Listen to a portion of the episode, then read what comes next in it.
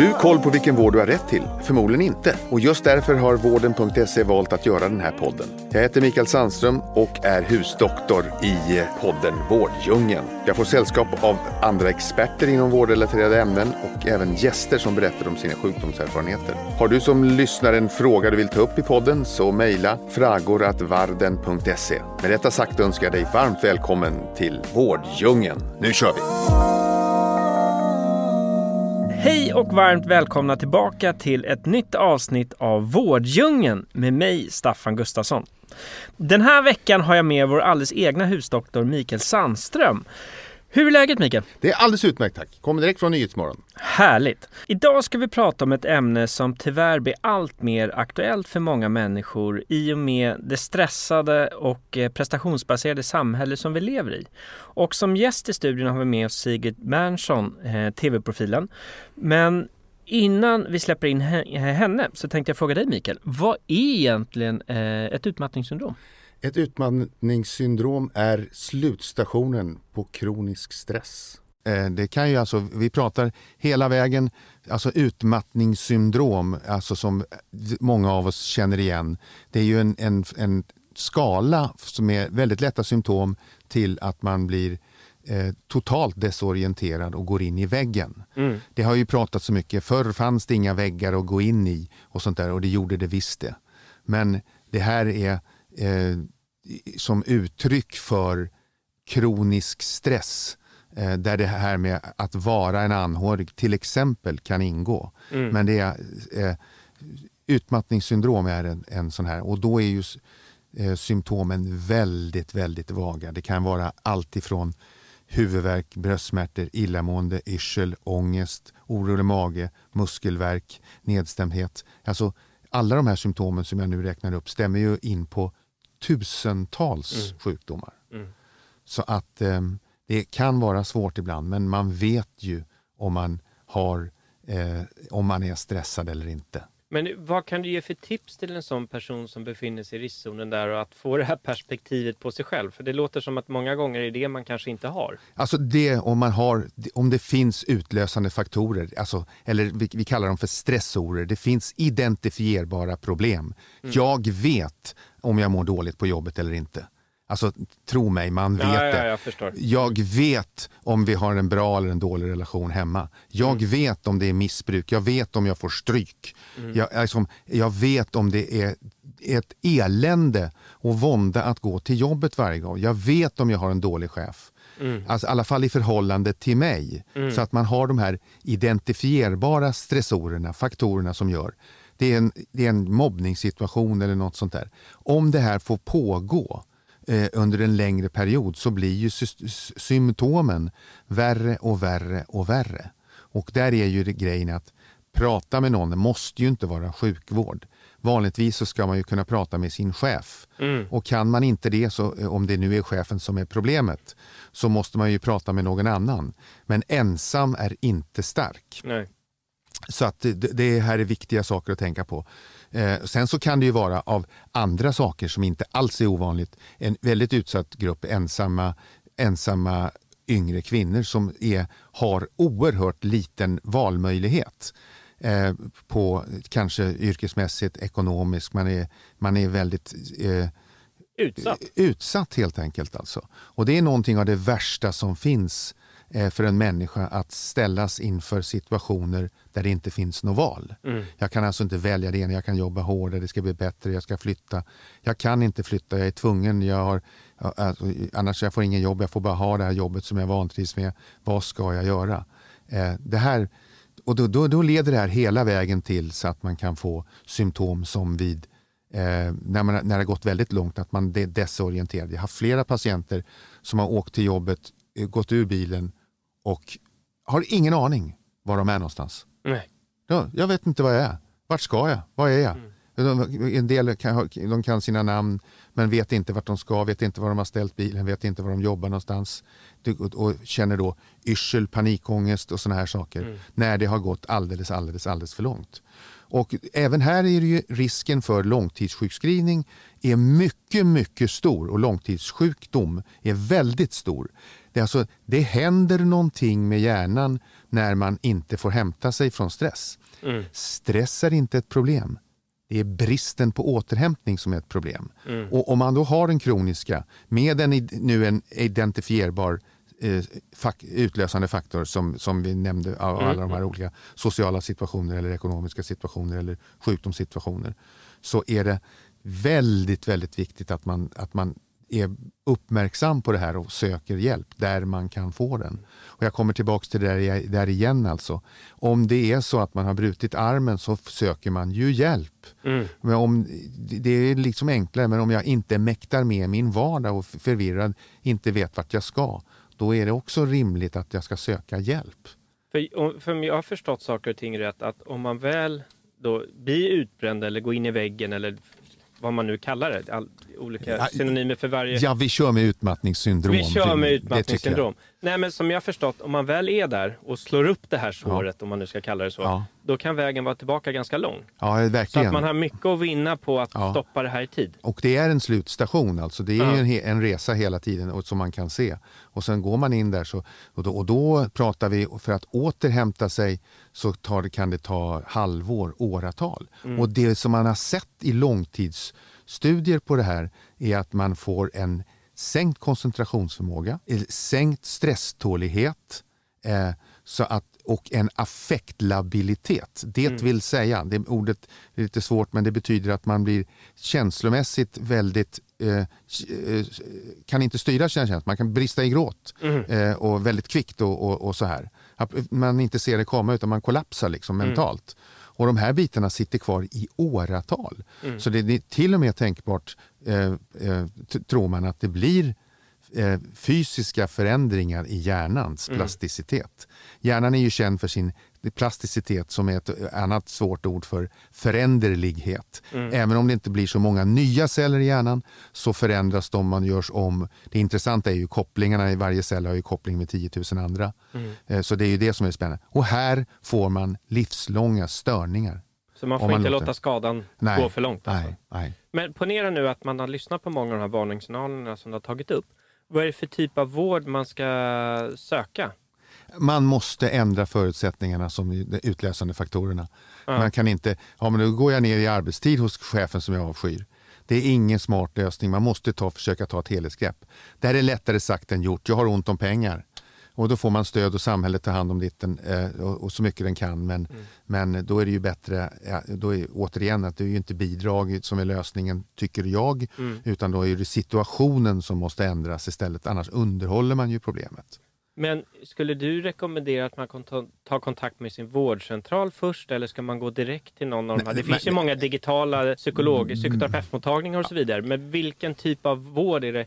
Är det den klassiska liksom, eh, vårdcentralen man går till, till sin distriktsläkare till exempel? Det... Eller ska man gå mot terapihållet? Nej, det är vårdcentralen man ska börja med. Ja. Men om, man, man ska ju gå dit där problemet ligger. Är det på arbetet så finns det ju liksom, eh, eh då är det ju... företagshälsovård kanske? Absolut, det är där man börjar. Eh, och om jag har förstått saker och ting rätt så på, med utmattningssyndrom så kan det gå lite i olika faser. Ja, det kan man väl säga. Det, stegring ja, alltså, det blir bara värre och värre ja. och symptomen blir värre och värre. Men det är, det är en flytande skala. Eh, faser har vi för att det ska vara lättare för människan att förstå och förklara. Mm. Men det är ju en ökad, återigen, ju, det är den, alltså den här stressen som du inte återhämtar dig för. Det blir värre och värre och värre. Och värre. Mm. Sen kan det bli lite, finns andra, att man reagerar på ett speciellt sätt och plötsligt vart det psyki, eller så, alltså, psykosomatiska symptom mm. eh, och så. Men det är en flytande skala från lite stressad som är klart som man kan bryta till total kollaps. Mm. Men, nu måste jag bara fråga där, om det är någon skillnad. För jag, jag nämnde det innan, synonymer till utmattningssyndrom. Ja. Men alltså, utbrändhet, är det samma sak? Ja, men han har gått ifrån där. För utbränd skulle då in, implikera att man är man då bränd så går det inte, kan man någonsin komma tillbaka. Ja, och Det användes förut av missbruksvården, att man var utbränd narkoman och sånt där. Så det vill man gå ifrån. Mm. Eh, så att man uttrycker sig, så utmattningssyndrom är väl syndrom betyder ju liksom eh, att man har flera eh, symptom och flera faktorer som ingår. Givet då att man får rätt vård, är det goda chanser att eh, komma tillbaka till ett normaltillstånd? Ju tidigare man gör sin, sin intervention desto större är chanserna att man klarar sig. Enligt din erfarenhet, finns det någon skillnad mellan ålder och kön på hur vanligt det är att drabbas av det här? Ja, jag skulle säga att kvinnor är mer drabbade. Men det har nog inte, det har nog inte med hormoner och, och eh, kroppens celler att göra utan det är, den, det är den sociala situationen. Att många kvinnor är mer utsatta för eh, eh, allt ifrån våld, missbruk till eh, sämre ekonomi i, som grupp betraktad än vad män. Hur behandlar man det här? Man tar... Är det läkemedel eller vad liksom? Alltså det kan man göra och det, är, det där tror jag när man binder ris åt egen rygg därför att, att man ska gå in med en lös, ska lösa eh, du ska påverka en stress, utlösande stress. Din, din chef är dum mot dig och då ska du ta ett läkemedel för det. Nej, det är inte där lösningen ligger utan man mm. måste försöka få en varaktig. Sen så kan man behöva under en övergångsperiod och det är väldigt många som får det då. Och det missbruket, man pratar om lyckopiller och det finns ju depressiva inslag i de här tillstånden också så att då blir det lite bättre. Eh, men det, jag tycker väl att det skulle kanske röra sig om en tre till sex månaders behandling som tillsammans med att man försöker förändra, förbättra en situation. Men det här orkar man inte. När man är som sämst så orkar man som minst. Så det är här man måste ta hjälp. Så det är företagshälsovården som du mm. nämnde. Det är där man, närmsta chefen börjar man med. Mm. Och går inte det så kan man företagshälsovården direkt. Och sen är det vårdcentralen och sen gärna allt tillsammans. Och hur ska man agera tycker du då som anhörig här? För vi pratade om anhöriga innan. Eh, om du ser din partner eller fru eller vem nu det må vara, att det börjar se de här varningsklockorna. Vad, ge, vad ger du för råd till en anhörig som ser den här liksom... Jag ger samma råd, eh, att man måste ju bryta en ond spiral här. Ja. Sen så måste man också, om det har gått väldigt långt, så måste, då får man vara så storsint att man, alltså man, det finns en, en, en tid när, efter förloppet då, när man håller på att återhämta sig, när man inte orkar lika mycket som andra. Mm. Eller man, men du brukar ju orka mycket mer ingen bra kommentar utan mm. då får man orka det man orkar. Det kan ju vara allt ifrån när man inte orkar plocka undan disken, man orkar inte resa sig ur soffan. Liksom. Det finns ju andra skäl till detta också. Men, eh, men eh, att man, det får lite acceptans, att man får vara sjuk en tid. Mm. Eh, sen är ju inte lösningen alltid att, att fjärma sig och heltidssjukskrivningar tycker jag liksom, det gäller väl eh, frakturer och annat. Men annars så Ehm, är det ju väldigt bra att ha ett socialt nätverk. Mm. Att gå in och isolera sig är, är det sämsta man kan göra. Mm. Så bryt isolering, det är, det är mm. det som gäller. Och du nämnde ju tidigare att eh, bristen av återhämtning är en sak som kan sprida upp den här spiralen. Hur mm. viktig är sömn? Och det är en, en oerhört viktig faktor. Eh, alltså man kan ju få alla de här av ren sömnbrist om man skulle ut, utmana någon. så kan man få, ja. det, Då börjar man hallucinera efter tre dagar om man inte får sömn. Så att det är, men det är också sånt, det är precis med depression, som de verkar vila och sover sämre. Mm. Allt det, här, det saker hänger ihop.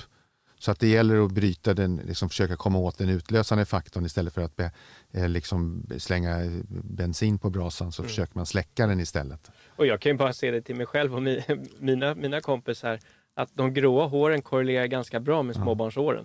Så det kanske ligger någonting. Ja, jo, precis. Man kan ju bli vithårig av, av, av en brist på sömn. Och, ja, ja.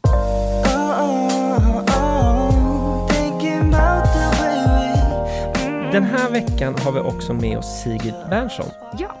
Och eh, hon är artist och dansare och känd till, för många för bland annat Let's Dance. Mm. Eller hur? Yes! Ja. Jättevälkommen Sigrid till eh, Vårdjungeln. Tack så hemskt mycket. Hur är läget? Hur är det idag? Men idag är en bra dag. Ja. Ja, så att idag känner jag liksom, ja men det är lite vår i luften, även fast det är sju grader. Så positivt tänkande du vet. Ja. det är vår i luften och nej, men, eh, en rolig, rolig arbetsuppgift idag att komma hit och hälsa på er. Så det är en bra dag. Ja men jättekul mm. att du kunde komma hit. Men eh, om vi ska liksom gå till allvaret mm. eh, i det hela så är det så att om inte jag är helt fel, så i över två och ett halvt år har du kämpat med utmattningsdepression. Yes. Och eh, kan inte du berätta, hur började det? Oj. Alltså det där är ju en, en väldigt komplicerad egentligen fråga då. Ja. Det började. För att jag tror att egentligen så började det nog för tio år sedan. Okay. Eh, så ofta när man blir sjuk i utmattning så är det sällan att det är liksom de sista bara månaderna utan det är att man väldigt långsamt har gjort slut på sina mm. energidepåer liksom.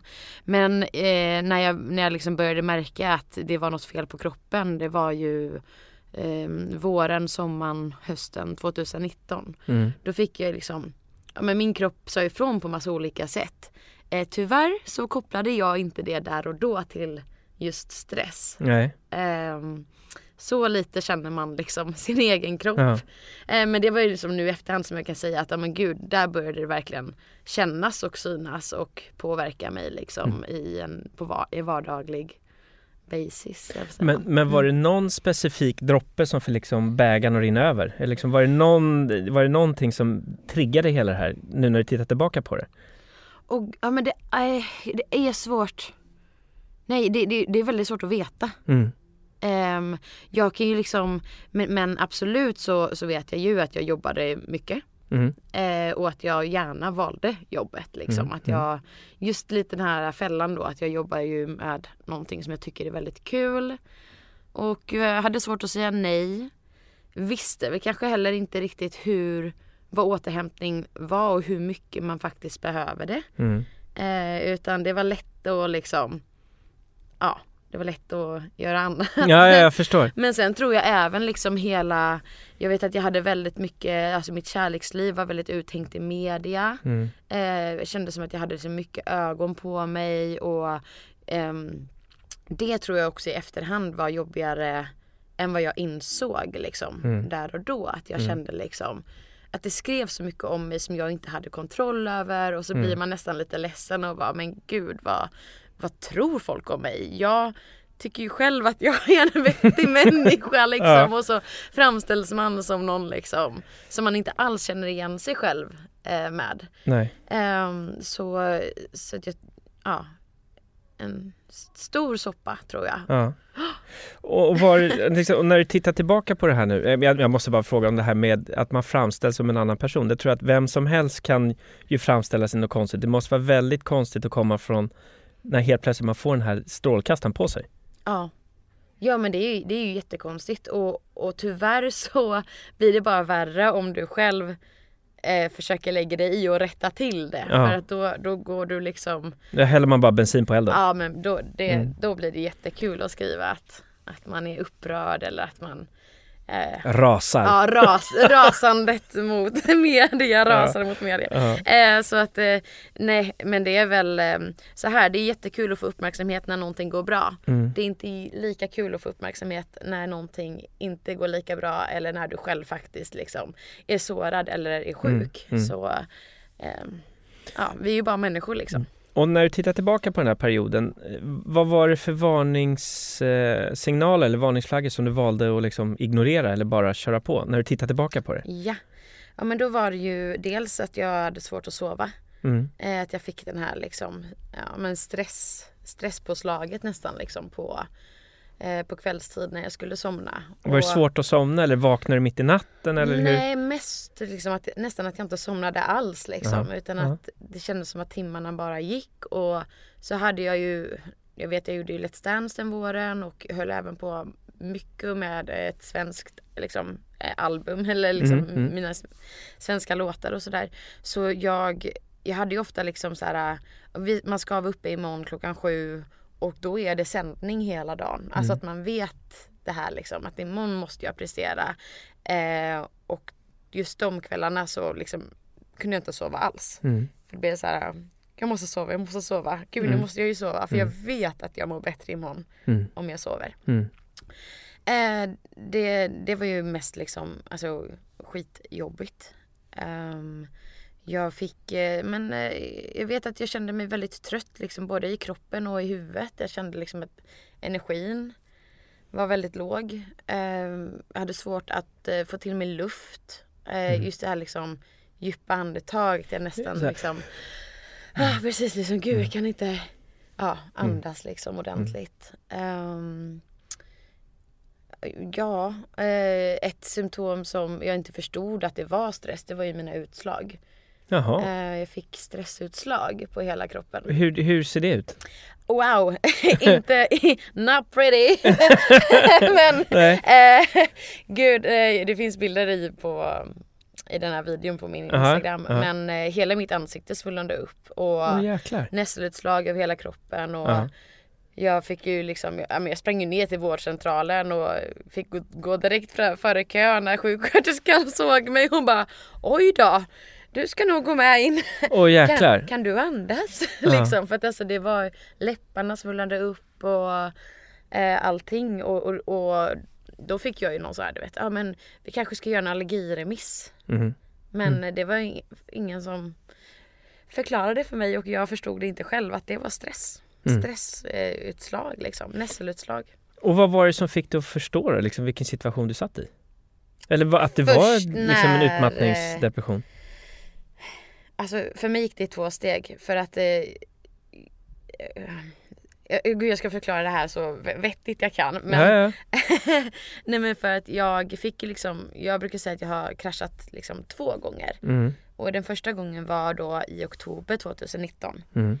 Um, och då var jag på väg uh, till um, Grekland mm. för att göra ett, uh, ett dansjobb på det här tv-programmet Love Island. Mm, okay. uh Och kände innan att jag borde verkligen inte åka. Kände att någonting är jättefel. Mm. Eh, visste inte hur jag skulle packa väskan. Kände liksom alltså, total ångest liksom. Mm. Och, men samtidigt så var ju alternativet då att ställa in och det går ju inte. Nej, nej, nej. nej, nej. så eh, jag tänkte, men gud något är fel. Jag kollar upp det när jag kommer hem mm. om tre dagar. Mm.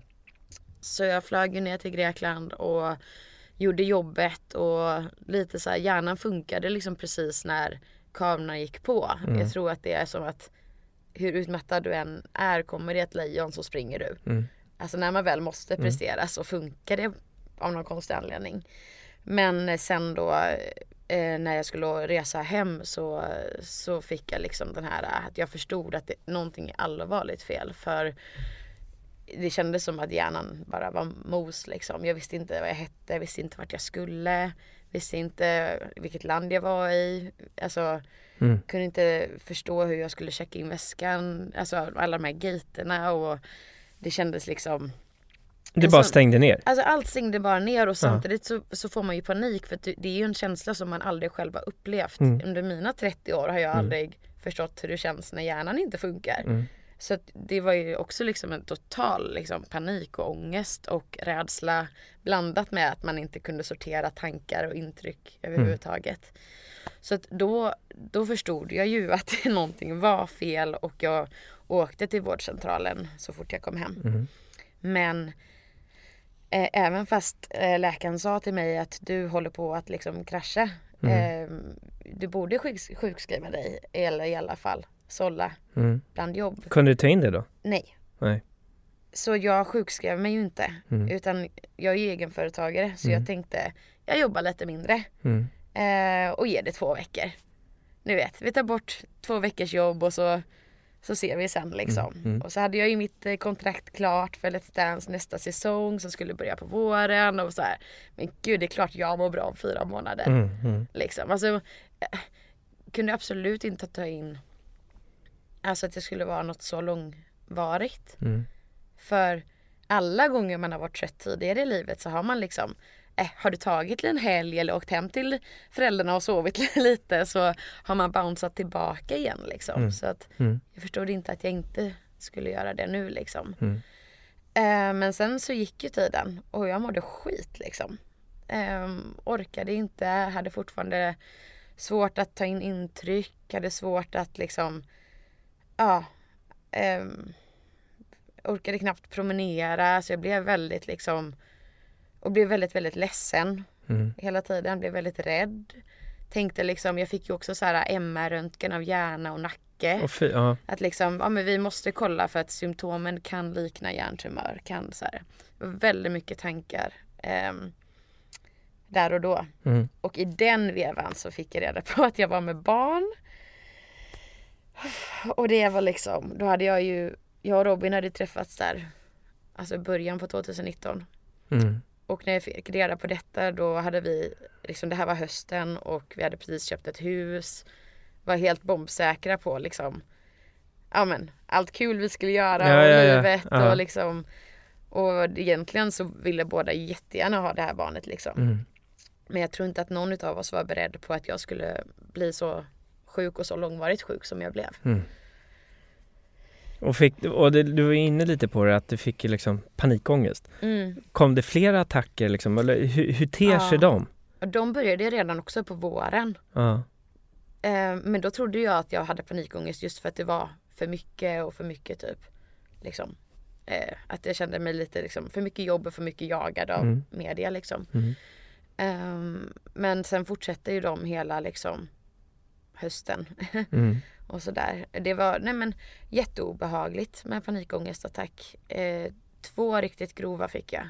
Mm. Där... Vad hände då?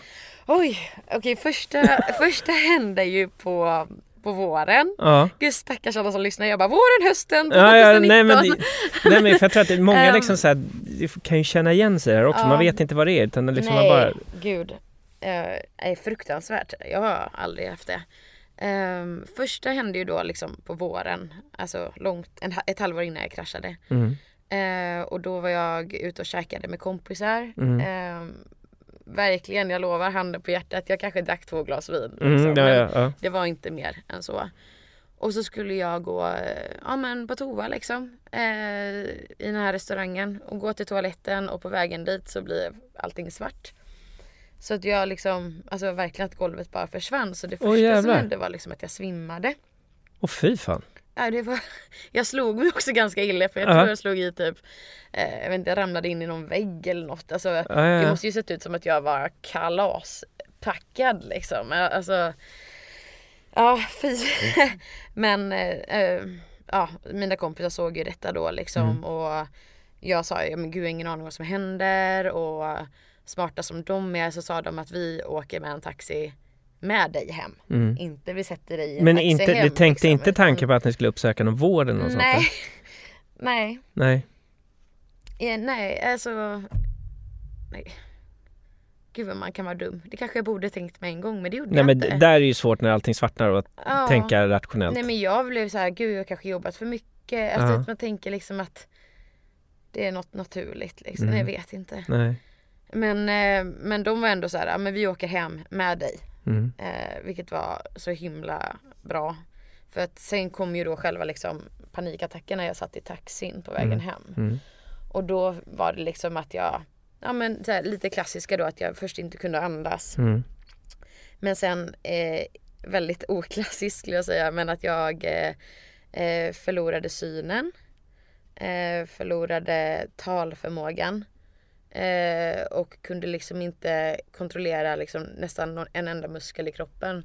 Oh, alltså det var liksom som att du vet, tungan bara, alltså allt blev helt förlamat liksom. Mm. Och jag bara la mig ner liksom i, i den här taxin. Och eh, alltså jag tänkte själv, jag har blivit drogad. Mm. Eh, men, och jag hörde fortfarande. Så här, mm. hörseln var fortfarande kvar mm. vilket var också ganska obehagligt för jag hörde hur mina kompisar reagerade men jag kunde inte kommunicera tillbaka till dem liksom. Um, men då ringde de ju. Då ringde, ja, men, då ja. ringde vi vården. Ja. Eller ambulansen då. Aha. Eller inte jag. Nej. De gjorde det. Uh, de ringde ambulansen och uh, var alltså ja, men stannade hos mig och gjorde som de sa i mm. telefonen. Liksom, och sådär. Uh, och så mådde jag fortfarande väldigt dåligt när de kom. Så de lastade in mig i ambulansen men alltså ganska fort faktiskt när vi kom till sjukhuset så liksom var det som att jag, jag mådde bättre igen. Kom tillbaka då? Ja, Aha. precis. Det var liksom inte Ja men det är klart att man är skärrad men jag funkade ju igen liksom. Mm. Så då fick jag träffa läkare och så förklarade han att liksom nu har vi tagit så här många tester, vi har kollat på här, alltså de kollade ju eh, droger och sånt också liksom. Men mm. eh, det, det, var panikångest. Mm. Um, Fan, det låter inget vidare. Eh, nej, ja, nej det är inget vidare. Nej. Det var alltså helt ärligt så trodde jag att jag skulle dö. Ja. Det var ju liksom Alltså alla de här tankarna, jag bara gud jag är bara 30 är det så här livet slutar i en smutsig taxi? liksom. Alltså att man bara, men, ja, att, nej men alltså, det är klart man blir, man blir jätte, jätterädd alltid när någonting händer som du inte vet vad det är. Mm. Om man inte varit med om det tidigare liksom. Mm. De andra gångerna sen då när jag fick panikångest då kunde jag ändå kanske känna igen det och inte vara riktigt lika rädd för det i alla fall. Mm. Um, så om det kommer något positivt ut det så är det mm. väl det då att liksom man känner igen känslan och kanske lär sig att inte um, Jag tror också min rädsla triggade den här liksom panikångesten ännu mer mm. uh, faktiskt.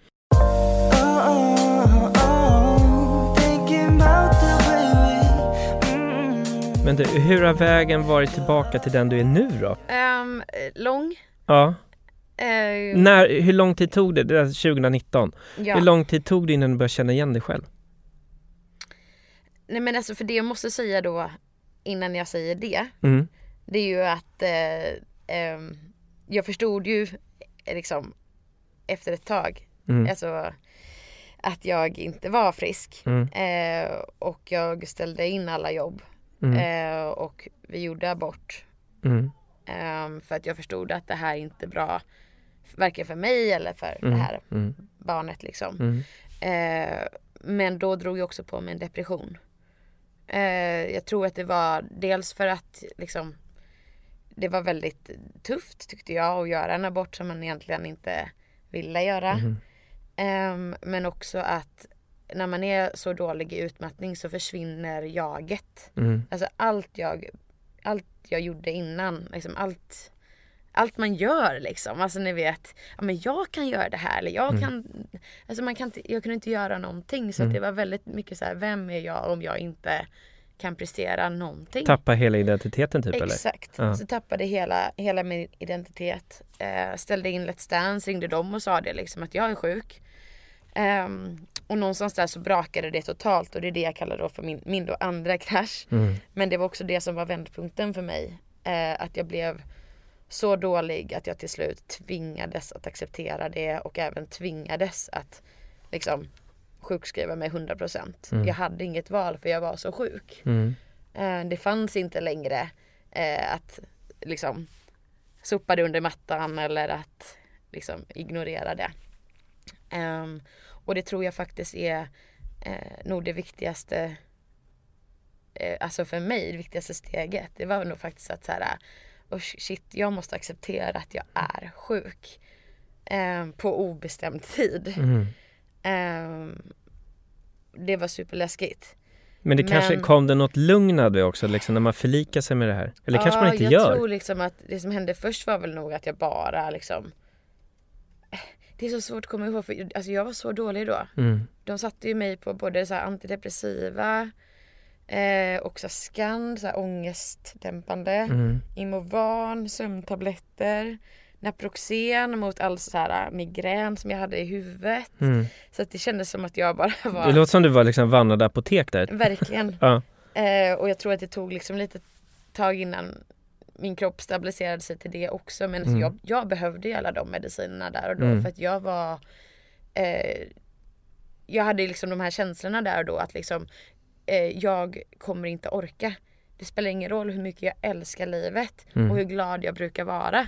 Eh, det är för jobbigt att må så här. Alltså det, mm. var, det var sjukt jobbigt i huvudet. Mm. Eller vad man ska säga. Um, så vägen tillbaka började väl egentligen från botten. Men jag tror att i alla fall jag var en sån person som behövde hamna på botten. För att liksom våga inse att, att jag var sjuk mm. och sen därifrån liksom eh, ja utgå och, nej, nej men jag förstår, nej men liksom ja. så här, bara bygga liksom från grunden helt, helt från början. Ja, utan som. att liksom, eh, ja men alltså verkligen. Mm. Så att det, stänga av allt liksom. Och om du kollar på livet idag mm. och med de erfarenheter genom att gått igenom det här hemska. Mm. Liksom, vad är det för verktyg du har tagit med dig? Liksom, hur har det här Många. påverkat dig till den du är idag? Oj, eh, supermycket.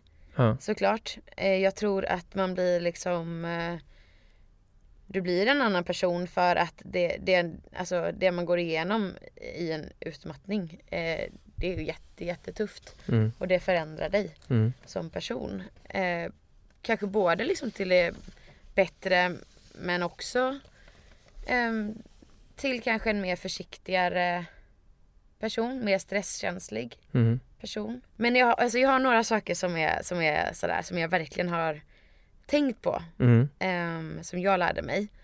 Och eh, ett så är det att eh, för först började jag gå som psykolog alldeles för tidigt. Mm. Jag tror att det är superbra att, att man, man behöver liksom verktyg och du behöver hitta rätt, eh, vad som är rätt för dig liksom, eh, när du då ska bygga dig själv mm. igen. Men man kan inte börja eh, när du precis har kraschat. Mm. Utan det är, alltså jag skulle säga att jag började på riktigt kunna jobba med mig själv ett halvår mm. efter.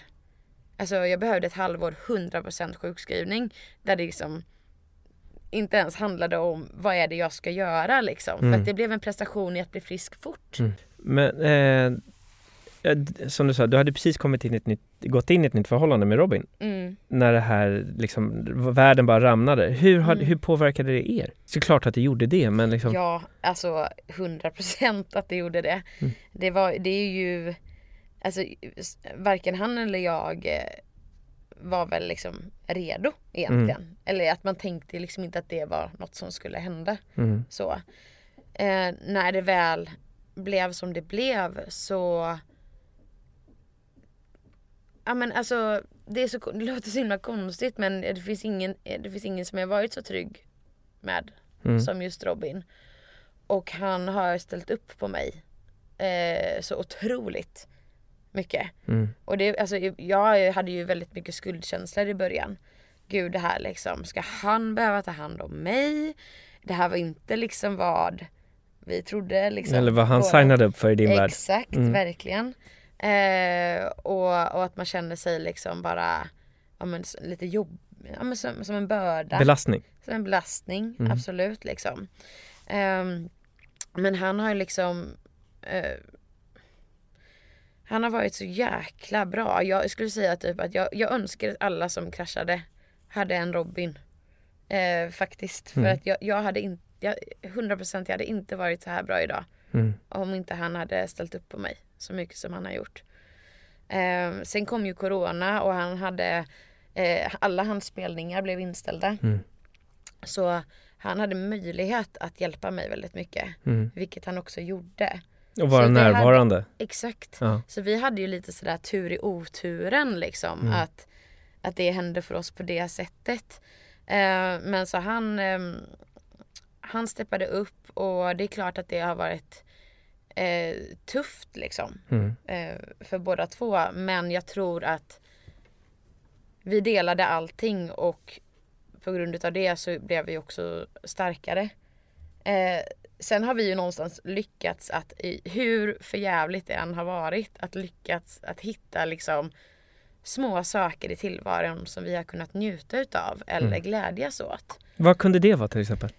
Alltså vad, vad som helst. Mm. Eh, när jag inte orkade gå så kunde han köra runt mig i bilen i vårt mm. nya område mm. och bara istället för en promenad.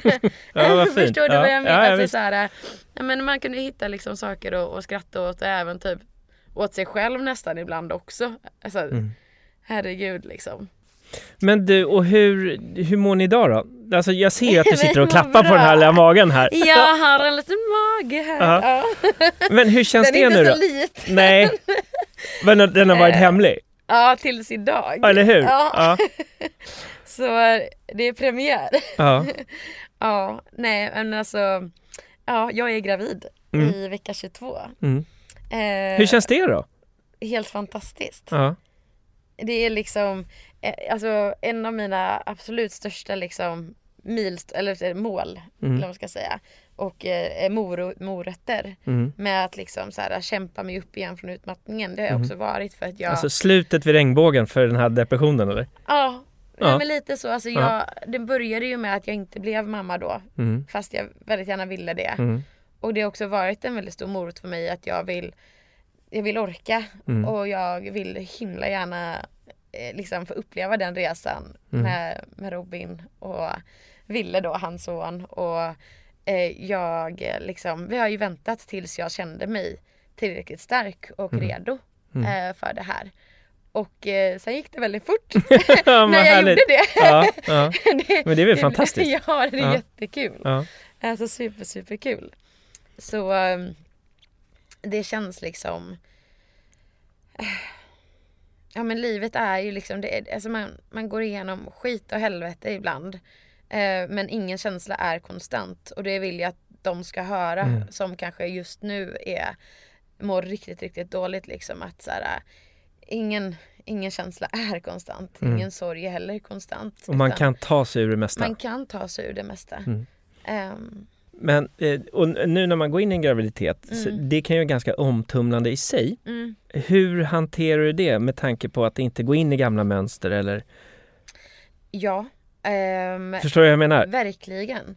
Alltså jag, som sagt, alltså, det finns ingen garanti i livet Nej. att jag inte kommer att krascha igen. Mm. Men jag kan säga att eh, ett stort mål för mig är att inte eh, göra det igen. Mm. Eh, och jag har liksom Jag tror att jag har nästan blivit lite för bra, nej men expert på att jag hela tiden nästan känner av hur mår jag nu? Mm. Hur mår jag nu? Mm. Flera gånger under den här intervjun har jag också tänkt så här, som en liten reminder liksom. Mm. Hur känns det nu i kroppen? Hur känns det nu när jag tittar på vad dig säger, här, liksom? Vad säger kroppen till dig då? Um, Nej men alltså som sagt idag har jag, har jag, faktiskt en väldigt bra dag så den har inte varnat mig överhuvudtaget. Mm. Men det finns ju dagar, ni vet när det händer saker som man kan inte alltid planera livet. Nej. Utan det kan vara liksom att herregud så fick du en repa på bilen och sen på väg hem så var det kö och sen så ringde någon och hade gjort slut med sin pojkvän mm. och så vill de ha din hjälp. Alltså saker som kan stressa dig som du kanske inte kan alltså, planera i livet. Um, och jag, alltså helt ärligt så känner jag av eh, ganska tydligt eh, när jag, eh, när det blir för mycket. Eh, och jag, eh, men också att jag lägger upp dagarna nu på ett helt annat sätt. Mm. Alltså du sa att jag, så här, hur har jag gjort för att ta dig tillbaka ja. dit du är idag? Jag skulle säga att jag, jag har absolut inte tagit mig tillbaka. Nej. Jag har tagit mig till en helt annan. Du är, nu, du är på en helt annan väg. En helt annan väg. Ja. Um, där det är liksom viktigt för mig att jag mediterar en gång per dag. Mm. Jag är typ tråkmånsen som måste gå och vila då och då mm, liksom. Mm. Um, jag är kanske den som säger att jag vill åka hem först mm. på en middag. Mm. Alltså alla mina vänner har så mycket förståelse för det. Men mm. jag inser ju att liksom det det är det jag behöver just nu. Jag är inte liksom frisk på det sättet att jag skulle kunna köra på på mitt gamla liv. Mm. Då hade jag kraschat igen. Det är mm. mm. garanterat liksom. Um, men jag känner mig ändå liksom Jag känner mig att jag, det känns som att jag känner min kropp på ett annat sätt. Um, och att jag liksom uh, Jag har med mig liksom så mycket mer kunskap liksom mm. om mm. hur jag ska ta hand om mig. Um, och det Dels så liksom hoppas jag ju då att det är det som också ska kunna hjälpa mig nu då när jag är gravid. Att jag känner liksom min kropp på ett annat sätt. Mm. Eh, och också kan säga nej då. Mm. Att liksom nej, det passar inte att ni kommer hit idag. Nej. För att jag har en trött bebis och jag är en mm. trött mamma. Mm. Det är klart jag kommer vara trött mm. men förhoppningsvis så kraschar jag inte. Nej, nej, nej. Eller nej, hur? Nej. Men du, om det skulle ge, om vi har någon av våra lyssnare som känner igen sig där. Mm. Att liksom, men kanske de lever ett liv som de kanske känner med sig när, att nej, men det här är nog inte så hållbart. Mm. Vad har du för, har du några liksom tre bästa tips mm. till en sån person? Ja, då ska vi se. um, nej men alltså eh, superviktigt att man hittar återhämtning mm. i, till, alltså i vardagen. Och återhämtning för mig behöver inte vara samma som för dig. Alltså jag menar inte sova då. Mm. Utan det kan liksom vara att du gör någonting som är bortkopplat från alla, alla saker som stressar oss. Eller just det här att vi ska prestera mm. någonting. För mig kan det vara att jag stickar liksom. Mm. nu gör jag mm. inte det men vi säger nej, nej, men det kunde ha varit. Ja, för dig mm. kanske att du eh, skulle tycka det var asnice att ta en skogspromenad liksom. Mm. Mm. Det är viktigt med de, de stunderna där vi inte behöver vara någonting för någon annan. Mm. Tror jag. Eh, våga säga nej. Alla har inte tillgång liksom till din energi. Det är inte gratis tillgång. Eh, utan man måste liksom prioritera vem som ska ha den. Mm. Eh, små pauser under dagen mm. kan, tror jag kan rädda liv helt ärligt. Mm. Det här att man liksom, det, är ju, det, har, det har nog alla hört, men att man tar två minuter eller liksom korta mindfulnessövningar. Det önskar jag att man lärde sig i skolan typ mm, redan mm. de små liksom. Um, jag tror att vi väldigt ofta tänker på framtiden eller dåtiden. Våra hjärnor är ju så liksom. Mm. Det här ska jag göra eller varför gjorde jag så liksom. Mm, mm. Men att man då och då kanske faktiskt bara okej nu ska jag ta tre djupa suckar och känna efter hur det känns i kroppen. Eller gud, vilka tre olika ljud hör jag just nu? Alltså det är superläkande. Mm.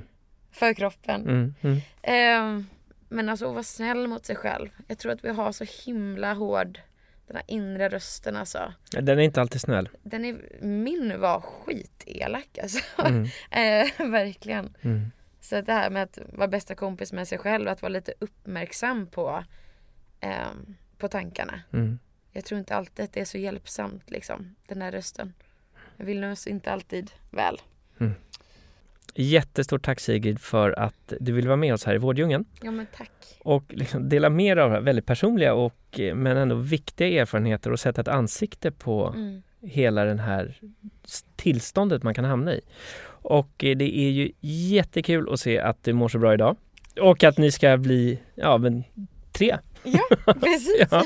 Och eh, till er som lyssnar på det här så är, känner ni igen er det här? Ni vet, ni går in på vården.se, där kan du både söka och boka vård. Eh, och eh, här får du också, precis som i podden, information om vilken vård man faktiskt har rätt till. Och med de orden så säger vi tack och hej då för idag. Och sen så hörs vi igen nästa vecka. Ja, tack och hej!